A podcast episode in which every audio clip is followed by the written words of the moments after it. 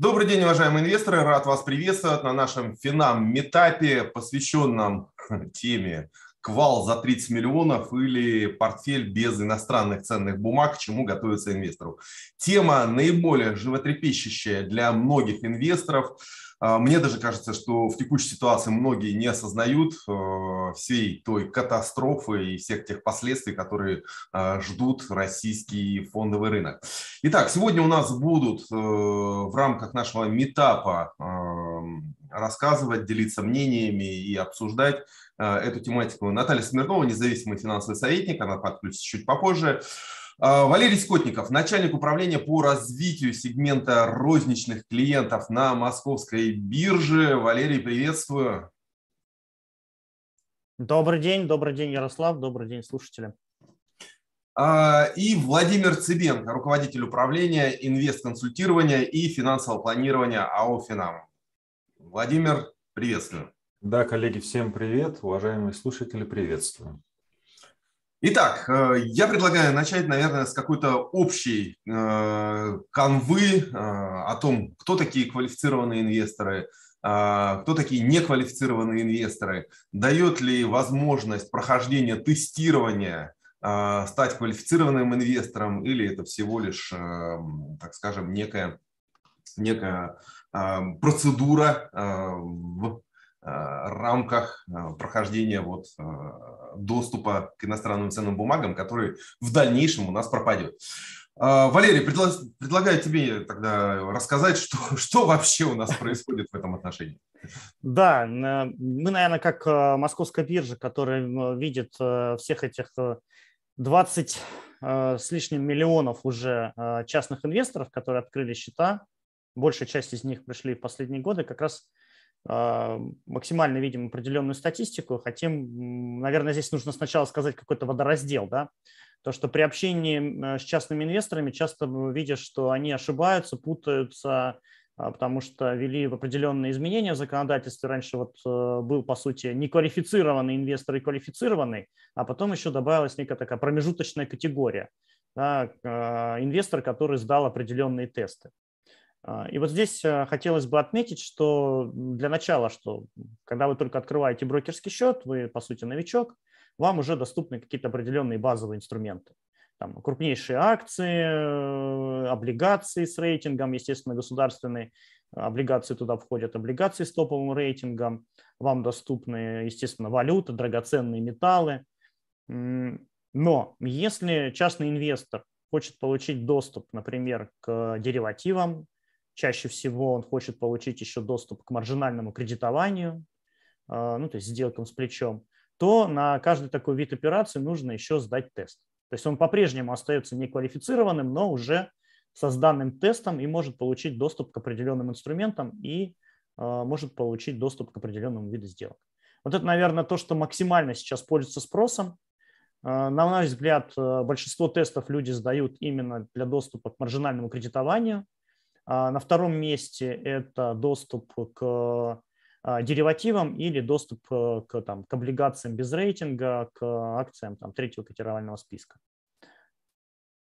Вот. Окей, тогда э, вопрос следующего характера. А, текущая инициатива Центрального банка, я так понимаю, ограничит доступ к иностранным ценным бумагам для неквалифицированных инвесторов, даже если у них пройден тест ну, давай говорить о том, что для начала, что это обсуждение, да, это вынесен на проект на общественное обсуждение, поэтому э, и ты видел, что э, Науфор, например, да, ну и в принципе там брокерское сообщество э, предложило некий свой вариант, как можно, собственно говоря, защитить частного инвестора от иностранных акций.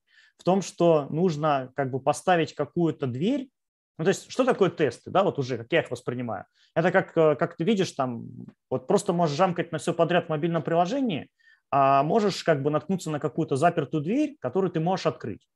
И это легко, потому там задаешь тест 6 вопросов, там 8 вопросов, отвечаешь, отвечаешь прямо в приложении. Но это заставит определенным розы там задуматься, да, ага, зачем здесь дверь? Вот. А, по сути, мы получили с вами такую же ситуацию в этот раз с иностранными акциями, что а, по ним возник серьезнейший там, инфраструктурный риск, о чем как бы многие не задумывались, да даже индустрия да, не, не брала его в расчет, по сути. Естественно, здесь желание поставить здесь тоже какую-то дверь о том, чтобы частный инвестор задумался, что здесь тоже могут быть определенные риски. Ну, это, это, это какое-то разумное объяснение тому, почему эти инициативы как бы они сейчас появились.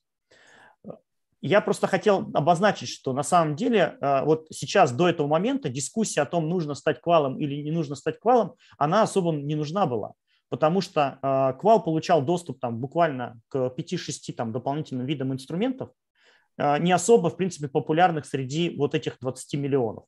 Это говорит об этом статистика. Вот мы на московской бирже насчитываем несколько сотен тысяч квалифицированных инвесторов. Где-то в СМИ я видел общую оценку ну, видимо, там э, на бир... не промаркированы еще на бирже люди, которые там, не знаю, евробанды покупают напрямую, еще что-то, что их в России все равно не больше полумиллиона. Ну вот мы смотрим, 20 миллионов а, обычных инвесторов, которым доступны простые инструменты, скажем так, все биржевые инструменты, а, даже после тестирования, и квалифицированные инвесторы, которые дополнительно хотят там евробанды, IPO, напрямую торговать на биржах иностранных, а, и э, хотят, например, там структурные продукты. Да, вот, наверное, основные такие четыре вида инструментов, которые квалам нужны. Конечно, когда пытаются туда перенести как бы иностранные акции, вот здесь и как раз возник сейчас весь шум, потому что здесь уже интересы у миллионов людей. Ну вот. Э, ну, можно же получать статус квала по-разному. Давайте об этом тоже поговорим. Так, эм, да, давайте сейчас поговорим по поводу э, того, как получить э, статус инвестора. А, Владимир, а, еще раз, инициатива Центрального банка предполагает, что инвесторы, не обладающие статусом квалифицированного инвестора, даже если они прошли тестирование, а, им ограничат доступ э, к иностранным ценным бумагам. Да, нет, да? Да, именно так. То есть а, история такая, что, ну, во-первых, а, изменяется, изменяются параметры для а, присвоения статуса квалифицированного инвестора, и, соответственно, да, вносятся дополнительные ограничения для тех, у кого этого статуса нет. И одним из ограничений – это отсутствие возможности торговать любыми иностранными ценными бумагами где бы они ни находились. То есть если раньше мы говорили о том, что как бы организованный рынок ценных бумаг, неорганизованный рынок ценных бумаг, сейчас э, мы просто говорим, иностранная ценная бумага доступна только квалифицированным инвесторам. Так, ну что же, Наталья, приветствую в нашей беседе. Привет. Да. А что ты скажешь по поводу квалифицированного, неквалифицированного инвестора и ограничения? Готова ну, ты знаешь, я-то лично готова, я квал с 2008 года. Но если говорить про клиентов, ну, первое, конечно, они начали задавать вопросы, а почему так и что с этим делать. Сегодня стало известно, например, что СПБ биржа планирует, со слов коммерсанта, рассматривать депозитарии в дружественных юрисдикциях. Может быть, э, если это им удастся, ЦБ позволит все-таки не квалам заходить в иностранные бумаги, ну хотя бы, может, через тестирование – но если этого не случится, тогда ну, что делать? Варианта два. Первое – работать через иностранного брокера.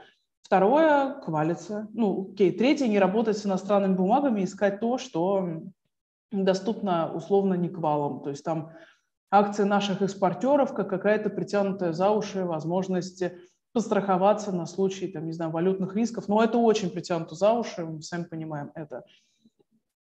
Собственно, вот, я сейчас рекомендую тем, кто может квалиться, ну а тем, кто хочет зарубежный счет, параллельно его открывать, потому что я предпочитаю рекомендовать и то, и другое. Сейчас чем больше опций есть, тем лучше. Угу. Спасибо. Так, э, тогда возвращаясь к Валерию. Валерий, э, что у нас по поводу получения статуса квалифицированного инвестора. Как это сейчас происходит? Какие перспективы в ближайшее, в ближайшее время нас ждут по инициативе Центрального банка? Ну, я как раз бы разделил здесь два вопроса. Видишь, это отдельные все-таки ветки. А, изменить а, требования к валу. А, и я сейчас скажу, какие они сейчас. Да? По сути, сейчас можно получить статус квала по неким там четырем признакам. Это можно иметь имущество на сумму 6 миллионов, причем здесь учитываются у нас банковские вклады, ОМС счета, а, просто деньги на счете, то есть нужно принести брокеру. иметь опыт организации, это, наверное, самый такой работы в организации, которая у нас э, профучастник. Но, по сути, этот самый такой узкий момент, потому что все-таки из, из миллионов инвесторов у нас не все работают э, в брокерах, управляющих компаниях и так далее. А можно получить э, через э, оборот. Да? И вот это, наверное, сейчас один из самых популярных способов. Можно в течение э, квартала, года, ну, то есть если есть в квартал, то, значит, и в течение последнего года наберется, можно совершить сделку с ценными бумагами с оборотом 6 миллионов рублей, но при этом есть там ограничения по активности, да, то есть за квартал должно быть не менее 10 сделок. И последнее, в этом списке, да, но, на мой взгляд, как бы одно из самых интересных, это через обучение. А, либо вы уже а, в ВУЗе каком-то отучились, сейчас, по крайней мере, это доступно, есть определенный перечень вузов, их там порядка на 30-40, которые а, на момент обучения вашего в ВУЗе имели соответствующую аккредитацию да, на выдачу аттестатов. Либо получать сейчас квалификацию профессиональную квалификацию специалиста по э, финансовому консультированию и специалисту по рынку ценных бумаг. Здесь ну, выстрел, наверное, такой двойной, потому что и получишь знания, которые тебе пригодятся, и, соответственно, сможешь э, совершать сделки как квалифицированный инвестор. Вот это то, что сейчас, и я бы разделил вот эту отдельную ветку изменения требований к валам, да, которые могут произойти и могут не произойти. Окей, спасибо. А по поводу а, новых требований, то есть повышение до 30 миллионов, а, вот весь список можно огласить как-то по инициативам Центрального банка? Да, но здесь повышают до 30 миллионов и требования к имуществу, то есть пункт А меняют с 6 до 30, и с точки зрения оборота, то есть тоже меняют с 6 до 30. Вот. Что касается других пунктов, то они практически без изменения. Единственное, что уберут, э, насколько я читал, да, насколько я понял, уберут вот это вот обучение в вузах э, в период, когда они имели аккредитацию. То есть все-таки это получение квалификации э, с специалиста да, по финансовому консультированию или по рынку ценных бумаг, то есть соответствующую квалификацию получения. Угу. То есть эм, получается, как у Пелевина, да, там э, по поводу для богатых э, там свой Господь и так далее. А, то есть э, основной принцип, который продвигает Центральный банк, это имущественный ценз. Если у тебя есть деньги, можешь иметь свободы финансовые. Нет у тебя денег, иди зарабатывай в другом Нет, месте. я бы не так а, все-таки резюмировал. Я все-таки бы отметил, что да, а, меняют какую-то имущественную планку, но тем не менее, вот этот вот путь через э, получение знаний, он как бы остается. Окей, спасибо. А, Владимир, а сейчас э, каким образом э, в большинстве случаев получают квалифицированного инвестора наши замечательные физлица, какие используют инструменты обучения и так далее? Можно ну, поделиться практикой? Самый, самый популярный, наверное, э, способ это по имущественному цензу, то есть это там 6 миллионов, а, причем не обязательно держать их там в одном брокере, соответственно, можно собрать все эм, активы там своих банковских счетов предоставить, выписки по поводу наличия э, в сумме таких активов и, соответственно, получить этот статус. Второй по популярности способ – это, конечно, по обороту. И здесь как бы, ну, брокеры помогают в этом плане. Помогают в каком плане? Они обсчитывают, мы, например, своим клиентам просто высылаем уведомление о том, что у вас как бы оборота достаточно для того, чтобы получить квалы. Если как бы хотите, у вас такая возможность есть. И клиент дальше сам а, заходит в кабинет и подает заявление на а, предоставление статуса квалифицированного инвестора. Я бы тут хотел еще прокомментировать по поводу вот, комментарий Валерия по поводу образования и как оно будет учтено, как, как планируется, что будет учитываться образование какое-то специальное.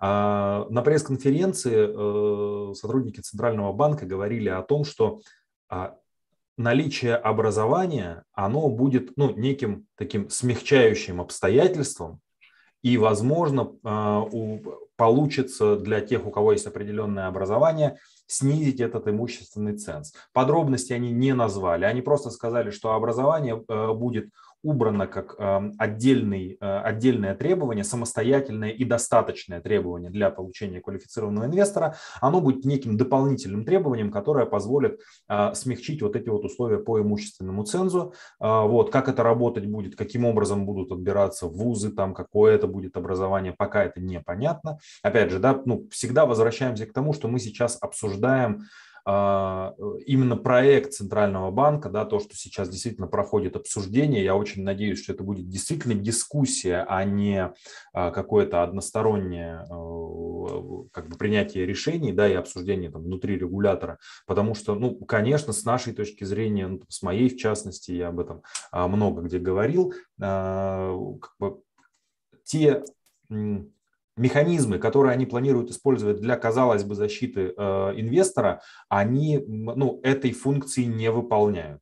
Фактически мы действительно просто, э, ну, в какой-то степени даже э, для клиентов, у которых меньше там, 30 миллионов, меньше оборот, мы ограничиваем их в инструментах, ограничиваем их в возможности диверсификации.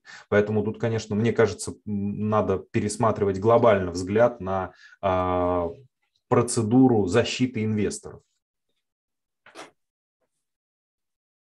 Okay. Я, я, с вашего позволения, здесь э, добавлю несколько ремарок. Вот я тут пытался тоже э, провести определенные, э, изучить материал да, о том, как все-таки через обучение можно получить квала, сколько это будет стоить, какие экзамены требуются, сколько они стоят, и сравнил это примерно с со стоимостью комиссии, которые я за этот оборот отдам. Да? Ну, не секрет, чтобы сделать оборот, там, пусть даже в 6 миллионов рублей, мы сейчас даже не говорим про 30, я все равно брокеру должен заплатить определенную комиссию. Брокеру, бирже, я здесь нас тоже не, не, не ставлю в стороне. Вот. Ну, давайте так, возьмем. От самого, по самому такому, наверное, лайтовому тарифу, там, пусть будет в 0,05%, это будет, соответственно, у нас 3000 рублей. Да? По самому сейчас популярному тарифу в 0,3% у некоторых там розничных брокеров, а, это будет уже, соответственно, 18 тысяч рублей. Ну вот э, стоимость экзамена на специалиста по финансовому консультированию, где требования как раз там условно, вот ты должен быть бакалавр, год должен быть у тебя брокерский счет, и иди сдавай экзамен. Я сейчас не говорю про то, что поучиться, каждый может быть сам подготовиться. Вот экзамены стоят там порядка, наверное, там 7, 8, 9 тысяч рублей. Ну, то есть вещи сопоставимые по расходам, но э, понятно, что нужно инвестировать свое время в получение этих самых знаний, чтобы сдать этот экзамен. Валерий, а вопрос оборота, вот расчета эти, это по рынку акций или по Форцу тоже? Нет, я брал по рынку акций, потому что ты знаешь, что у нас э, большинство, наверное, квалифицированных инвесторов именно на рынке акций находятся сейчас. Мы смотрели, когда внутрибиржевую статистику, на каком из рынков, а, какое их присутствие. А, и по региональному распределению, если интересна такая статистика, я тоже скажу.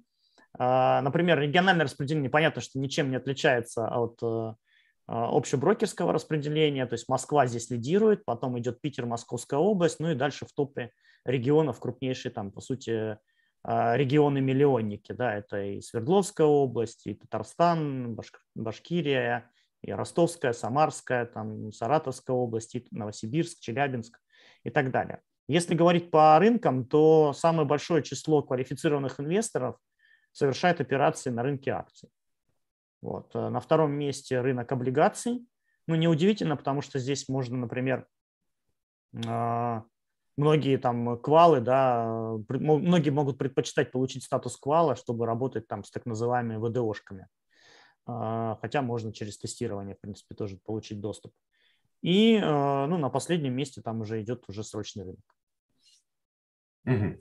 Ну, а, я имел в виду в первую очередь, э, что если задаваться целью по обороту себе а, получить квал инвестора, то можно использовать рынок Форц, и там немножко дешевле, мне кажется, выйдет. Слушай, а подскажи, пожалуйста, вот здесь как раз момент, который, э, я настолько понял, отдан на откуп брокерам, да, потому что вот есть закон, есть вот эти четыре пункта, но, в принципе, каждый брокер там ну, у каждого брокера свои тонкости, вот скажем так, давай я, а, я обращался к разным брокерам и сталкивался с э, тонкими разными моментами, ну, например, с точки зрения тех же самых деривативов.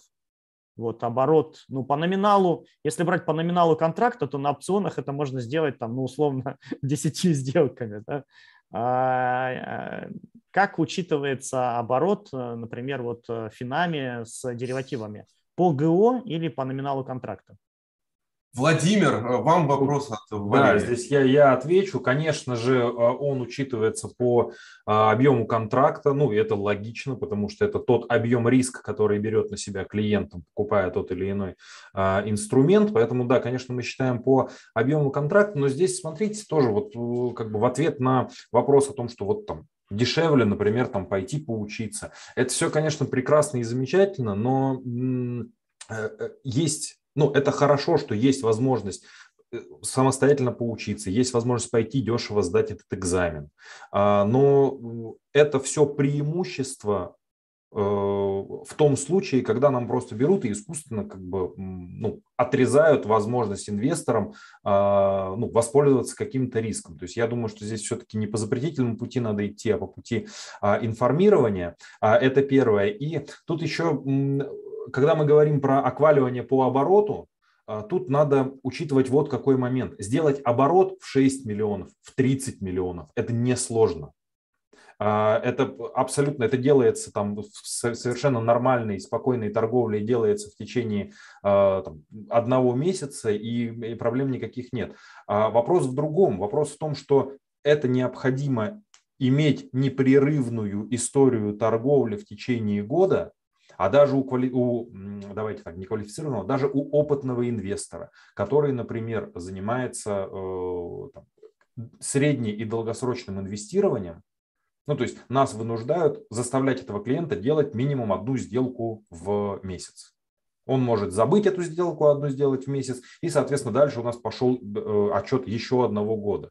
Да, то есть э, настолько сложная вот эта вот система, когда ее придумывали, да, они думали, ну вот, наверное, таким образом мы отделим тех, кто регулярно торгует, от тех, кто нерегулярно торгует, но по факту вышло, что мы ну, очередные сложности для инвесторов создаем. Поэтому тут как бы дело абсолютно не в обороте, оборот сделать, еще раз, очень просто. Валерий действительно сказал, что там с опционами этот оборот делается вообще там за два дня с небольшим счетом и с очень небольшими комиссиями. Но вот, э, вот эта вот история, что каждый месяц там в течение года по одной сделке, последний квартал, по-моему, 10 сделок надо сделать, а, вот, это усложняет сильно а, задачу э, для инвесторов, которые хотят получить этот статус. Я считаю, что это нормально. Объясню почему. Я думаю, что вы тоже с клиентами общаетесь и видите, как бы какими они потом претензии, ну, приходят же потом, да, с какими потом претензиями они приходят. Поэтому, друзья мои, ну, а, сложность, вроде как она несколько надуманная относительно сложности субордов, когда люди не поняли, что оказывается, если у банка отзывают лицензию, то все их деньги пропали, потому что они никак не защищены по этим облигациям. При всей сложности структурных каких-то продуктов, да, понятно, что большинство структурок, они как бы там ну, простые, да, но а, вспомним а, все там структурки, в которых там выдавались какие-нибудь иностранные бумаги при достижении этого уровня, и человек не понимал, почему, действительно, что они выдаются, действительно, что почему именно они и так далее, и так далее, и что с ними потом делать. Вот, поэтому, ну вот, знаешь, на одной, на одной чаше весов сложность как бы раз в месяц сделать сделку, ну, то есть не самоконтроль, да, некая там дисциплина, а на другой как бы, ну, действительно непростые продукты. Про, я про, говорю про текущее, то, что доступно сейчас к валам. Да? Я не говорю, конечно, про покупку просто там Apple или там Coca-Cola. Это понятно. Мы говорим про текущее состояние. Я считаю, что мы как бы все сопоставимо. Вот это вот. Валерий, хотя... спасибо. Так, я перебью, да. потому что вот у нас Николай пишет. Классно меня ЦБ защитил. Вместо запланированных покупок на российском рынке закупился Америкой и пошел на срочный рынок фьючерсами торговать, а, объемы набирать. А, Наталья, здесь, да, а, мужчины забили всю нашу трансляцию своими размышлениями. А все-таки хотелось вот э, с твоей колокольни, а, да, все-таки ты консультируешь, ты проводишь консультации. Вот ты что думаешь по поводу вообще всей этой истории, которую предлагает Центральный банк, который проснулся через полгода после того, как реализовались все инфраструктурные риски, вдруг почему-то он решил позащищать инвесторов какими-то очень странными, далеко непрактичными вещами. Что думаешь, куда побегут инвесторы? Будут открываться счета в иностранных брокерах и, соответственно, уменьшать ликвидность на российских биржах? Или что? Ну, смотри, э, в части того, что там ЦБ такое сделал, я думаю, что ну, то есть я не оправдываю Центробанк, я могу их понять, да, что они хотят просто убить возможность, чтобы, если вдруг случится самый страшный риск и все заморозится, чтобы вот э, инвесторы, которые не, обладают недостаточными знаниями, они не попали под раздачу. Я понимаю, что, возможно, поздновато, потому что, ну, в общем-то, уже мы видим, что творится с НРД, но, тем не менее, как бы как, как смогли. И с этой точки зрения, ну, такую защиту я ну, тоже могу понять. Что делать инвесторам? Как человек, который недолюбливает э, инвестиции только на российском рынке, то что я за глобальную диверсификацию, конечно, ну, я за то, чтобы возможности сохранялись, если человек понимает риски. И я могу сказать, что я вижу по тем, кто ко мне обращается. Первое, если человек обращается, он сразу задает вопрос, с какой суммой имеет смысл открывать зарубежный счет, потому что это не просто счет открыть, но это еще и отчетность перед налоговой, это еще и самостоятельно подача декларации, это еще и, соответственно, риски. А вдруг там тоже брокер когда-нибудь скажет всего доброго, хорошего настроения, как сказал в свое время Сакса Банк. И где тогда еще открыться, а может быть сразу два счета, ну там тоже есть свои риски, это не совсем такая безоблачная история. А второй вариант эм, инвестировать на Питере, если это там условно возможно и так далее, с пониманием, что есть риски, связанные с инфраструктурой, и инвестировать ну так, достаточно спекулятивно. Не в смысле, что основную часть капитала вложить на СПБ бирже на долгосрок, а вот угадывать какие-то моменты. Ну там а, одна бумага просела, купил, через два дня продал, купил, продал, и вот заниматься спекуляциями, но не наращивать никакие долгосрочные позиции. Вот две такие, э, два таких сценария я вижу. Меня удивило, что народ э, довольно правильно отнесся к доступам на Гонконг. Они тоже начали спрашивать меня, через кого они дают доступ, я имею в виду питерская биржа. И когда узнал, что инфраструктура та же, ну, начали понимать риски. И это говорит о том, что люди все-таки учатся, и это хорошо. Так что базово два варианта. Открывать зарубежный счет, и тогда нужно понимать, где это надо открывать, в какой юрисдикции, как подавать отчетность, чтобы не нарушить ни наше законодательство налоговое и валютное, Э, и чтобы одновременно не попасть под санкции, где подстраховываться э, и, соответственно, где открывать счет, возможно их открыть два.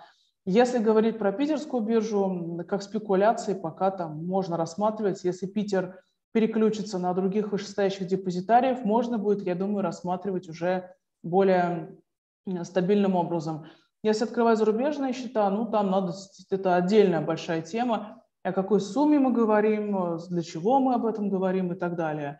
Там, как говорится, своя тема. Но да, я думаю, что совсем, если мы говорим про брокеров, которые не имеют возможности давать доступ эм, и открыть счет за рубежом через свои там условно родственные структуры, сейчас не обойтись. Говорю как есть. Окей, понятно. Спасибо. Так, э, вопрос тогда у меня следующего характера. Валерий, если э, рассматривать э, безальтернативность изменений, которые предлагает Центральный банк, сколько мы потеряем с точки зрения участников рынка по иностранным ценным бумагам и сколько у нас квалов останется в этом отношении? Ну вот цифры приводились, но вот если все-таки попытаться предположить. А, ну, во-первых, никуда не денутся текущие квалы, да, поэтому, наверное, всех и призывают сейчас, э, в зависимости от того, куда будет разворачиваться дискуссия, все-таки этот процесс начать и, и завершить, получить этот статус. То есть э, по, не, по разным оценкам там от 200 до 500 тысяч квалифицированных инвесторов у нас уже есть. А, если говорить о том, что все-таки это пройдет в текущем, в текущем виде, то, насколько я знаю оценки, в стране у нас несколько миллионов людей инвестировали в, ну, по данным, по докладу ЦБ, по крайней мере, инвестировали в иностранные акции. Соответственно, ну что может быть? Часть из них, скорее всего, квалы, маленькая какая-то часть. Часть из них тоже, ну, может быть, там измеряемая сотнями тысяч станет квалом по разным способам. Э, в зависимости от того, кстати, еще изменят планку или не изменят. Вот. А часть, э, ну, получается, скорее будет работать там в режиме пози- закрытия позиции. То есть не смогут mm-hmm. приобретать новые иностранные ценные бумаги. Но это вот просто рассуждение о том, как это выглядит картинка в случае, в случае принятия именно как, э, как было вынесено на обсуждение. Но еще раз подчеркиваю, что это же было только начало дискуссии. Мы видели уже и предложение там, Министерства финансов, мы видели уже и предложение брокерского сообщества в лице Науфор. Я думаю, что будет, э, будет определенный компромиссный вариант. А что предлагает Минфин, кстати? А, ну, вот здесь я сейчас сразу не вспомню, да, наверное, может быть, кто-то из коллег э, подскажет, что там было какое-то предложение тоже со стороны. Владимир видел, Наталья... видел, видел новость просто. Ну, нет, у меня, к сожалению, по Минфин данных нет, э, только вот то, что предлагал ЦБ со своими комментариями на пресс-конференции, ну и Науфор, естественно. А Науфор у нас что предлагает? Какая а, точка зрения участников рынка? Ну, там история в основном вокруг э, того, что необходимо там углубить тестирование. Ну и в основном это сформировано вокруг тех предложений, которые вопросов там не вызывают, да, в частности, например, там понизить плечо для неквалов и так далее, и так далее. То есть здесь э, как бы вопросов, наверное, нет. Ну и, кстати, по сложным инструментам, вот тоже мы э, говорили о том, что, ну, там, я в своих там комментариях для разных СМИ говорил о том, что не вызывает вопросов на самом деле э, история о доступе к сложным инструментам для квалов, да, и здесь можно даже как-то разделить, да, какой-то там а, квал первого уровня, квал второго уровня, в зависимости от сложности инструмента, давать тем или иным а, категориям клиентов там тот или иной инструмент. То есть со сложными э, продуктами мы, наверное, согласны. А, тут речь идет про иностранные бумаги и про тот вот риск, который говорят, что вот есть инфраструктурный риск, который сложен для понимания. Да он не сложен для понимания, все как бы уже а, поняли, что это такое, все поняли, как с ним работать. Да, тут э, самое главное просто до клиентов донести этот риск, да, и э, предложение, наверное, будет такое, что как бы намного проще будет регулировать, как правильно брокеры этот риск доносят, чем вот как бы просто всем все взять и запретить. Вот. Тем более, как вот совершенно правильно сказала Наталья, да, о том, а, что для клиентов, а, ну вот сейчас она рекомендует своим клиентам максимально диверсифицировать, ну это правильно с точки зрения абсолютно любого инвестиционного консультанта, да, диверсификация как бы это наше все. И в момент кризиса, да, мы все поняли, что диверсифицированный портфель, он намного более устойчивый. И в итоге получается так, что э, вот ЦБ нас позащищала, ну не нас, а инвесторов. Вот, в итоге а, инвестору для того, чтобы максимально обезопасить свой портфель, а, необходимо искать какие-то обходные пути, э, вот, а, обходные пути и обходить то, как нас тут защищают. То есть вот для того, чтобы нам самим защититься, нам нужно обходить э, те истории, которыми нас защищает Центральный банк. Это не совсем правильно. Плюс, э, на мой взгляд, вот такие вещи, они ужесточают и сужают, наверное, а, и правовое, и регуляторное поле. Да? Всем же хочется а, работать с нормальными контрагентами, которые работают в рамках э, законодательного и правового и регуляторного поля той страны, где они работают. Да, в итоге Центральный банк таким образом выгоняет клиенты вынуждены уходить из этого правового, правового поля, переходить в зарубежные, э, к зарубежным э, компаниям, на которые центральный банк повлиять не может никак.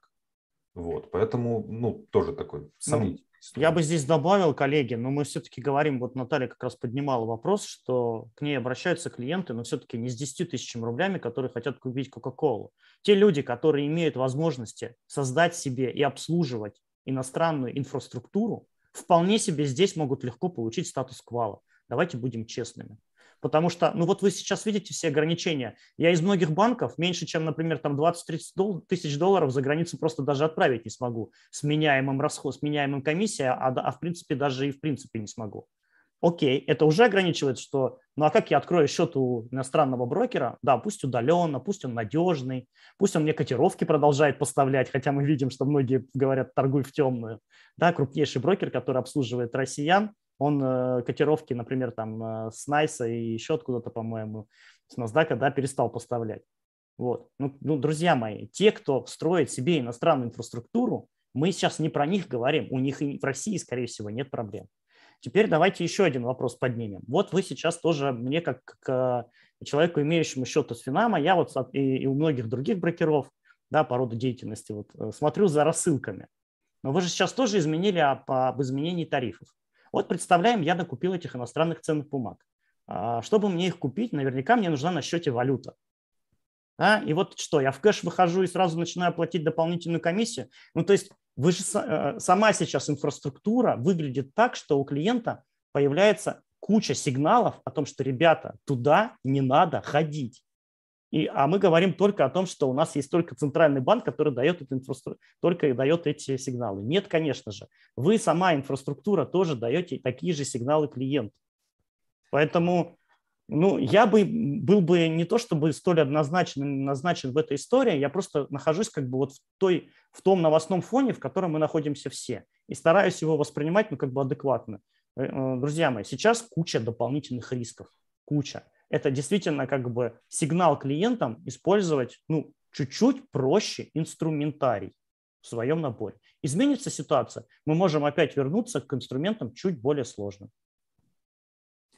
Ну, смотрите, по поводу там, грубо говоря, такого естественного имущественного ценза, да, что там, например, вывести нельзя ниже определенной суммы, что для того, чтобы создать себе инфраструктуру э, в зарубежном брокере, там тоже необходима немаленькая сумма, но э, тоже согласитесь, это не 500 тысяч долларов все-таки, да, или евро в рублевом эквиваленте. А, то есть текущий э, ценз имущественный, он, на мой взгляд, абсолютно адекватен, и повышать его, ну, на мой взгляд, абсолютно не стоит. Тем более, когда мы, например, говорим про а, то, как Центральный банк вообще аргументирует поднятие имущественного ценза. Там ведь аргумента два. Первый аргумент – это, а, вы знаете, у нас пять лет имущественный ценз не менялся, пора бы уже поменять. Ну, что такое пять лет для фондового рынка? Нам наоборот, для нашего молодого фондового рынка нам необходимы устойчивые правила игры, которые меняются не так часто. И это я говорю и про, например, эм, вот этот имущественный ценз для квал инвесторов и про дополнительную нагрузку там на инвестсоветников, ну и так далее, и так далее. Тут об этом можно много говорить. А второй аргумент, который они выдвигают, они говорят об опыте зарубежных стран. Ну, господа, простите, э, в зарубежных странах, во-первых, уровень дохода населения значительно выше. Во-вторых, инструментов, которые доступны неквалифицированным инвесторам, то есть которые э, не могут дойти до этого уровня, там э, ну, в десятки или в сотни раз больше, чем э, таких инструментов есть у нас. По факту мы сейчас остаемся, то есть если вот этот закон, в, э, вот эти рекомендации будут приняты в том виде, в котором они сейчас анонсированы, соответственно, мы остаемся с российским рынком ценных бумаг, и там по пальцам одной руки, там по пальцам двух рук можно пересчитать ликвидные ценные бумаги. То есть мы тут же, тут же попадаем на риск высокой концентрации, да, потому что таких бумаг не очень много. Мы попадаем на риск ликвидности, потому что ликвидных бумаг тоже не очень много. А, вот. Мы попадаем под санкционные риски, под очень серьезные. А, ну и так далее, и так далее, и так далее. Эти риски можно перечислять бесконечно. Вот, поэтому здесь вот такой вопрос. Никто не говорит о том, что надо сейчас всем все взять и разрешить. Нет, я считаю, что текущий имущественный ценз, он э, абсолютно логичен, справедлив. Э, я считаю, что клиентам необходимо давать возможность инвестировать в зарубежные иностранные, э, в иностранные ценные бумаги. Я не спорю абсолютно с Центральным банком по поводу того, что со сложными инструментами тут обязательно нужен статус квала. И здесь можно даже немножечко подкрутить эту историю. Да вот. Э, но просто то, что делается, да, это делается там с э, благими намерениями, но как это реализовано, на мой взгляд, тут как бы следует а, все-таки отрегулировать и некоторые избыточные меры а, все-таки ослабить. Вот как бы у меня такая позиция. Спасибо, спасибо, Владимир. Наталья, добавишь что-нибудь? Ну, в принципе, я думаю, что мы сейчас находимся в том э, идеальном времени, когда можно подсуетиться, просить за это слово. И то, что если кто-то откладывал статус квала, можно его оперативно получить. Еще раз говорю, сейчас э, такое время, когда не знаешь, где в следующий раз, э, правда, рванет. Поэтому надо и статус квала иметь, чтобы иметь максимальный ассортимент выбора на российском рынке. Я думаю, если соответствующие суммы есть, и счет за рубежом иметь, но, естественно, у адекватного брокера, который является максимально дружественным там, к России и так далее. И, может быть, даже не один, а два этого счета иметь. Если мы говорим про адекватную сумму, ради тысячи долларов, конечно, заморачиваться не стоит. И наоборот, надо еще при этом при всем инвестировать в свое образование, потому что когда хвалят просто по деньгам, ну, очень хотелось бы, чтобы с этими деньгами, деньгами, куда бы ударение не ставил, у нас еще было понимание, да, что с ними делать, какие сейчас риски есть. Поэтому сейчас надо инвестировать во все. В диверсификацию инфраструктуры, в квалификацию и в собственное образование. Вот только так сейчас можно инвестировать, лично мое мнение. А, ну что же, да, наступают постепенно у нас темные времена, а, поэтому свет образования нам в помощь и э, желательно, конечно же, а, чем быстрее, тем проще будет получить э, статус квалифицированного инвестора. Поэтому, уважаемые наши зрители, слушатели, не тяните с этим вопросом, желательно его закрыть уже побыстрее. Так, Э, далее у меня вопрос следующего характера. Кстати, Валерий, а можно вот планы Мосбиржи вообще на иностранные ценные бумаги как-то озвучить? Что там будет происходить у вас? Какие риски видите вообще в принципе? Ну, вы же знаете, что мы работаем да, над э, тем, чтобы текущие ценные бумаги, которые у нас э, а, были, чтобы они вновь э, начали там торговаться, разморозились и так далее. Я думаю, что это вот очередные, первоочередные планы прежде всего. Знаете, что создан совместно с вами, с профучастниками, а, клуб защиты инвесторов с МРД, который, собственно говоря, а, работает над различными процедурными, получается, вопросами с теми, кто э, наложил на нас определенного рода ограничения. Вот это, наверное, первоочередные планы сейчас. А, а какие-то сроки, перспективы? А, у меня нет такой информации. Я думаю, что тут сейчас, а, как вы правильно заметили, а, как Наталья сказала, не знаешь, где в следующий раз что-то произойдет, поэтому очень сложно сейчас. Мы самое главное говорим о том, что процесс идет с нашей стороны, не, он не останавливался там ни на минуту с первых же дней, но серьезная зависимость от э, политических решений с той стороны. Спасибо, спасибо большое. Так, наши слушатели пишут, а, если я не буду квалом, а, а иностранные ценные бумаги у меня есть, мне нужно будет все свои иностранные акции срочно продать, даже нельзя будет подождать, пока мои иностранные акции выйдут в плюс. Коллеги, ну, здесь на самом деле э, все просто. Э, вам запрещено будет просто открывать новые позиции. Если вдруг у вас есть э, инструмент, вы не квалифицированный инвестор, и вдруг этот инструмент признается доступным только квалифицированным инвесторам, никаких требований о закрытии позиции этого инструмента нет. А, сидите, ждите спокойненько, просто нельзя будет наращивать позицию в этом инструменте. А, вот. Другое дело, что это ну, не особо спасет тех людей, которые торгуют, там, привыкли торговать а диверсифицированно, там, диверсифицировать свой портфель по разным рынкам, да, то есть они, а вот у них есть текущий портфель, который э, скажем так, защищает ваш портфель на текущий момент, да, вам надо будет закрыть позиции, но нужно же будет открыть что-то новое. Соответственно, если вы не квал, все, вы что-то новое не откроете. Вот, поэтому, да, если есть возможность э, сделать квал, то вы его сейчас. А, вот, а за свои позиции, если вы их купили там с прицелом на 5-6 лет, то никто не будет заставлять вас э, эти позиции продавать. Спасибо. Да, спрашивают еще, если я а, была квалом в одном брокере, потом перевела к другому брокеру, а там я не квал, как мне их, э, эти ценные бумаги продавать? Ну, имеется в виду э, инициатива по общему реестру, она также присутствовала, насколько я помню? В новых, да, в новых правилах они сказали о том, что действительно нужен новый реестр, а, о, единый реестр. А вот, э, вот эта инициатива здесь как бы ну, всеми руками поддерживаем, потому что действительно правильно. Однажды э, присвоивший квала, э, ну, однажды получивший квала, да, соответственно, этот статус должен оставаться э, навсегда, и единый реестр поможет, скажем так, тому брокеру, который присвоил первично а, статус квалифицированного инвестора, там, ну, понимать свою ответственность, чтобы этот статус был присвоен, а, ну, скажем так, справедливо чтобы каждый последующий брокер, который принимал на себя а, ответственность за предоставление тех или иных инструментов, понимал, что вот как бы есть реестр, в котором зафиксировано, какой брокер присвоил статус квалифицированного инвестора тому или иному клиенту. Владимир, спрашивает вас Василь Филатов.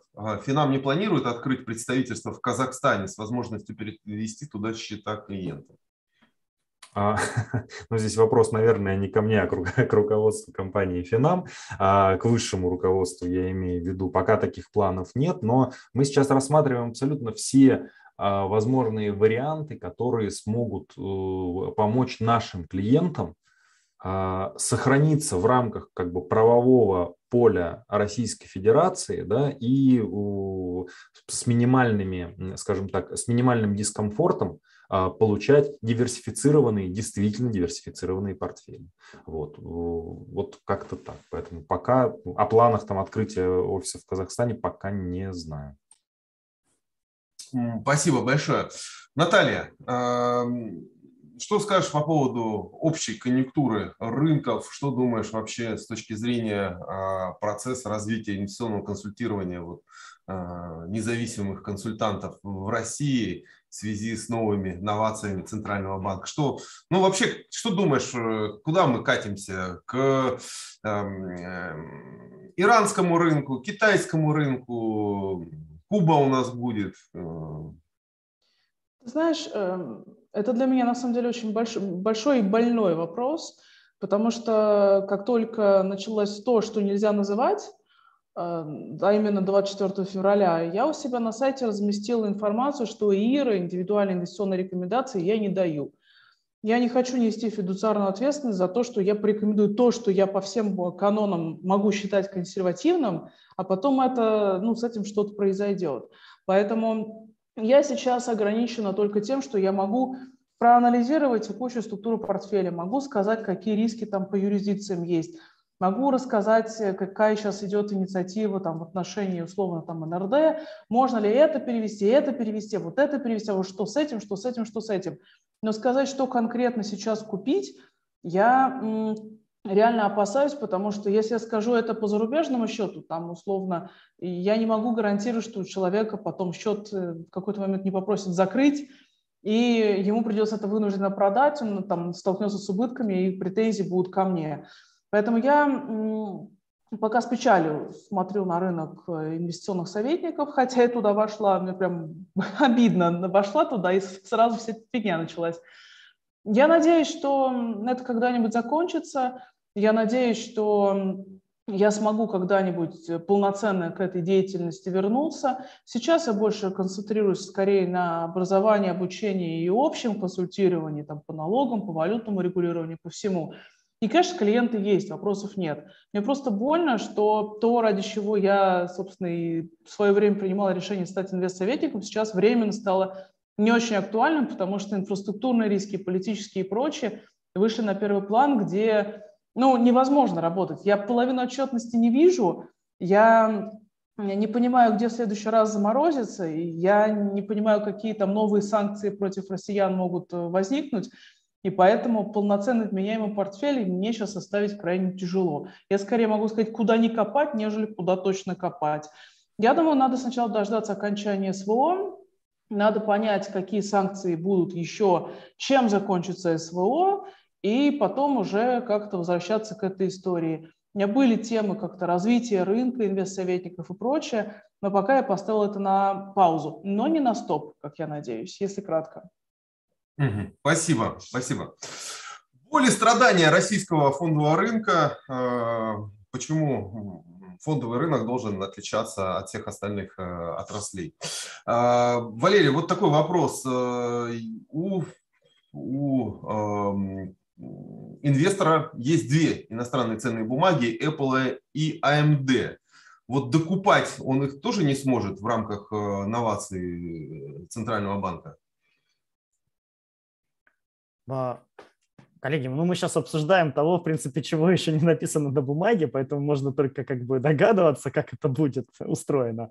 Вы же видите, есть инициатива там, например, того же Науфора, например, сможет докупать, но не больше, чем столько же, сколько у него до этого было. Ну, то есть можем сейчас любые конструкции фантазировать, но Владимир же до этого сказал, что вот если в строгом варианте, то ну, только процесс на закрытие позиции, то есть никаких новых открывать нельзя будет.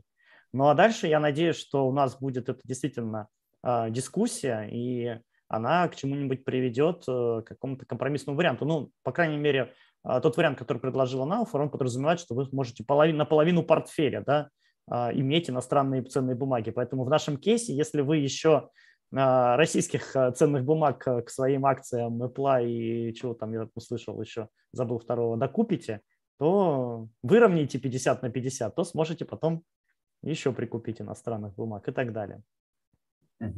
Спасибо. Ну, Валерий, я с тобой не соглашусь. Почему? Потому что я вот считаю, что у нас как-то произошли какие-то кардинальные изменения, в том числе и в инициативах, и в общении, и обсуждении. Почему? Потому что предыдущие инновации по квал-инвесторам все-таки э, дискуссия реально была. Сейчас ее, на мой взгляд, нету. На УФОР э, отношусь только позитивно к нашему СРО, но, опять же, мне кажется, не сильно слышно в текущих условиях. То есть есть какой-то громогасный э, слог нашего центрального банка, и все остальные там что-то Э, сбоку подпевают, и, в принципе, никакой дискуссии я, честно говоря, не вижу.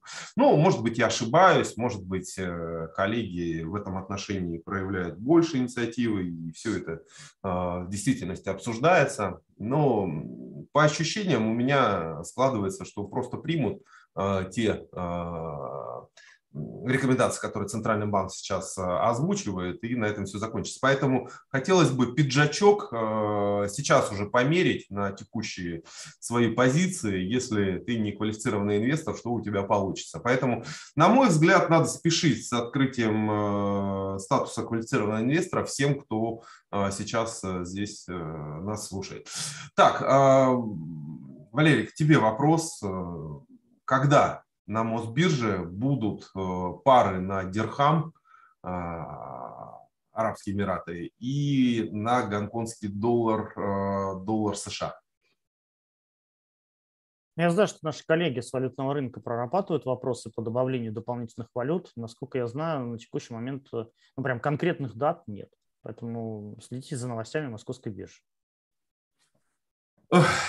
Ясно. Так, ну, ну, а. ну тут же все очевидно, коллеги. Ну, в текущих условиях многие а, новые инфраструктурные как бы, проекты построить становится все сложнее. Раньше, раньше, например, на какие-то процессы мы могли говорить, что вот они займут там от 3 до 6 месяцев на выстраивание расчетной инфраструктуры да, с банками-корреспондентами и так далее, и так далее то сейчас, ну вот мне как мне всегда интересно, когда многие люди задают вопросы, такое ощущение, что они вот как бы вне какого-то информационного поля находятся.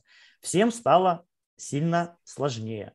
А, многие контрагенты тоже некоторые свои процедуры, да, они э, пересматривают и или или как бы ну затягивают.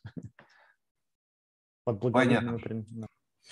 Коллеги, ну мы потихонечку подходим к завершению нашего метапа. Мне кажется, было очень достаточно насыщенно. А, прошу тогда вот э, в завершении высказаться по своим позициям и э, что-то пожелать нашим слушателям. А я, честно говоря, Очень рад сегодня видеть на метапе и Валерия, и Наталью, и люди, которые, конечно же, у нас представляют вот такой цвет нашего фондового рынка. Владимира я вижу каждый день, поэтому да, всего лишь могу сказать, что Владимир у нас обеспечивает отличнейшую экспертизу в инвестиционном консультировании. Спасибо большое. А, Валерий, Наталья. Да, спасибо огромное. Рады были и с вами встретиться, а, Владимир, Ярослав, Наталья. И, конечно, рад был ответить на все вопросы. Я надеюсь, что э, все-таки мы будем жить в неких там определенных адекватных условиях, адекватных я имею в виду текущему состоянию, и а, они будут тоже меняться. То есть если где-то нужно будет, там, например, ужесточить, то э, также, когда условия, там, например, изменятся, точно так же эти условия и потом а, быстро изменятся в сторону как бы, облегчения доступа. Ну, то есть а, вся индустрия в целом будет быстрее реагировать на изменение условий. Да, я хотела сказать большое спасибо прежде всего, компании Финам за организацию этого мероприятия, потому что сейчас крайне важно держать всех в правильном информационном поле. И, дорогие друзья, те, кто нас сейчас смотрят, еще раз, сейчас надо быть максимально гибким и использовать все абсолютно возможности, но с умом. То есть вот нужно найти грамотный баланс между максимальными возможностями и огромными возможностями, которые вам сейчас не нужны. Поэтому если вы хотите сохранять диверсификацию, тогда это квал-инвестор и задуматься, если сумма позволяет, про зарубежный счет, а может быть два в разных юрисдикциях, одной какой-то дружественной, одной та, которая дает максимальный доступ туда, куда вам надо. Но не надо разбрасываться сейчас и открывать 100-500 счетов за рубежом э, и везде кидать там по 1000 долларов, потому что это потом будет, ну, во-первых, бредово, это надо отслеживать, и получится какая-то странная стратегия. Поэтому первое, задумайтесь прежде всего над вашей стратегией. Куда вы идете, зачем вы туда идете, что вы хотите получить э, на выходе. И тогда не будет 100-500 вопросов, а может мне ВНЖ, а может паспорт, а может счет, а может два счета, а может 33 карточки. Куда бежать и что с этим совсем делать? А может все продать, а может все купить, а может быть что-нибудь еще, а может быть собака, а может быть там корова. Поэтому э, максимально определитесь с тем, с чем вы можете, это стратегия, и сделайте сейчас э, максимум возможностей, чтобы этой стратегии идти. Ну и, собственно, все. И выбирайте только надежных посредников, профучастников. Ни в коем случае не ведитесь ни на какие сомнительные инициативы. Вот уж так деньги потерять сейчас было бы особенно неприятно. Еще раз спасибо, что позвали.